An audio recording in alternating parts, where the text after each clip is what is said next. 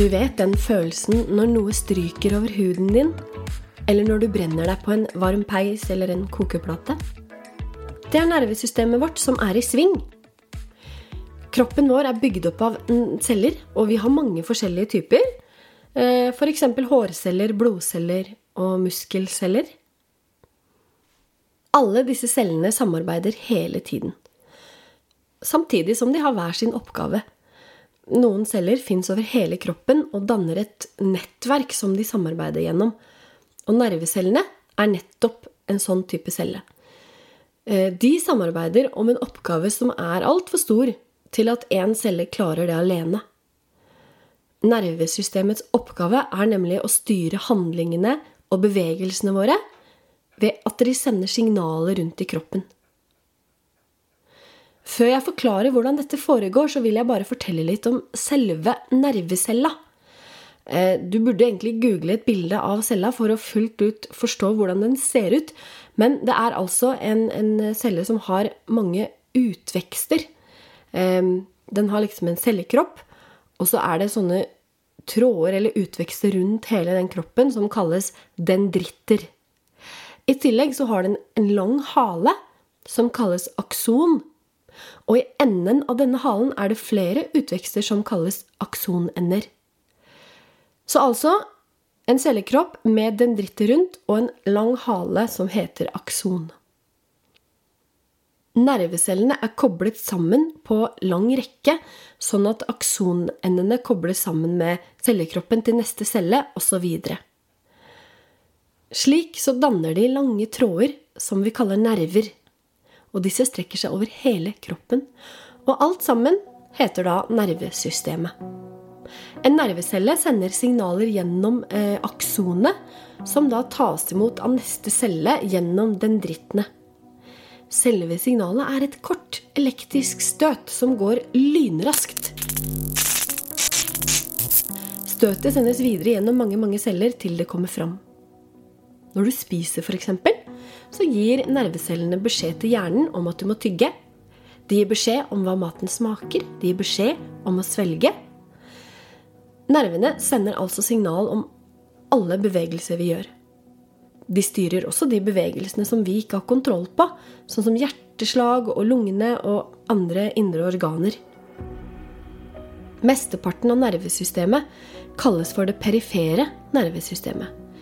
Det er altså de nervene som ligger rundt i kroppen, og som har ansvar for å sende signaler inn til hjernen og tilbake til kroppen igjen. Men så har vi noe som kalles for, uh, for sentralnervesystemet. Det er liksom kjernen i systemet vårt. Det er hjernen, og så er det ryggmargen. Ryggmargen ligger inni ryggraden og blir beskytta av knokler. Hjernen er beskytta av en hard skalle. Dette er ekstremt viktige funksjoner for kroppen vår, så det må passes godt på.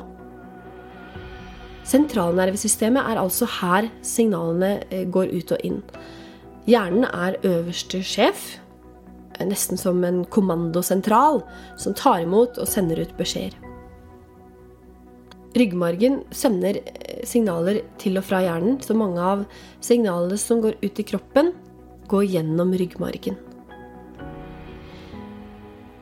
Nervene som ligger rundt om i kroppen i det perifere nervesystemet, de oppfatter og sanser forskjellige ting, og så sender disse eh, signalene til hjernen. Så må hjernen tolke, finne ut hva det betyr, bestemme seg for hva som må gjøres.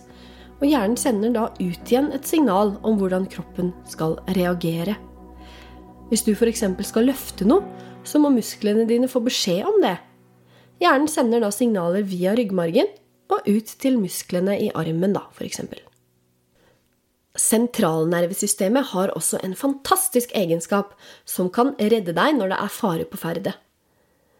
Vanlige nervesignaler går altså eh, til hjernen, og de går raskt.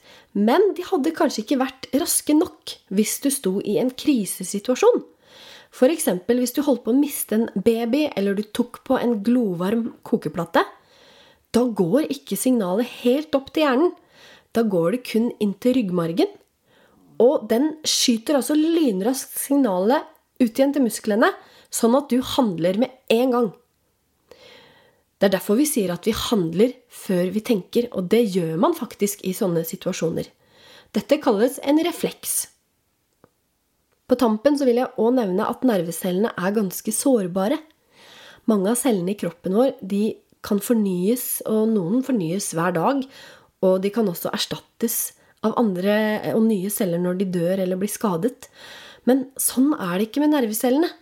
De har vi hele livet, de samme cellene. Og en nervecelle kan ikke repareres eller erstattes hvis den blir skada.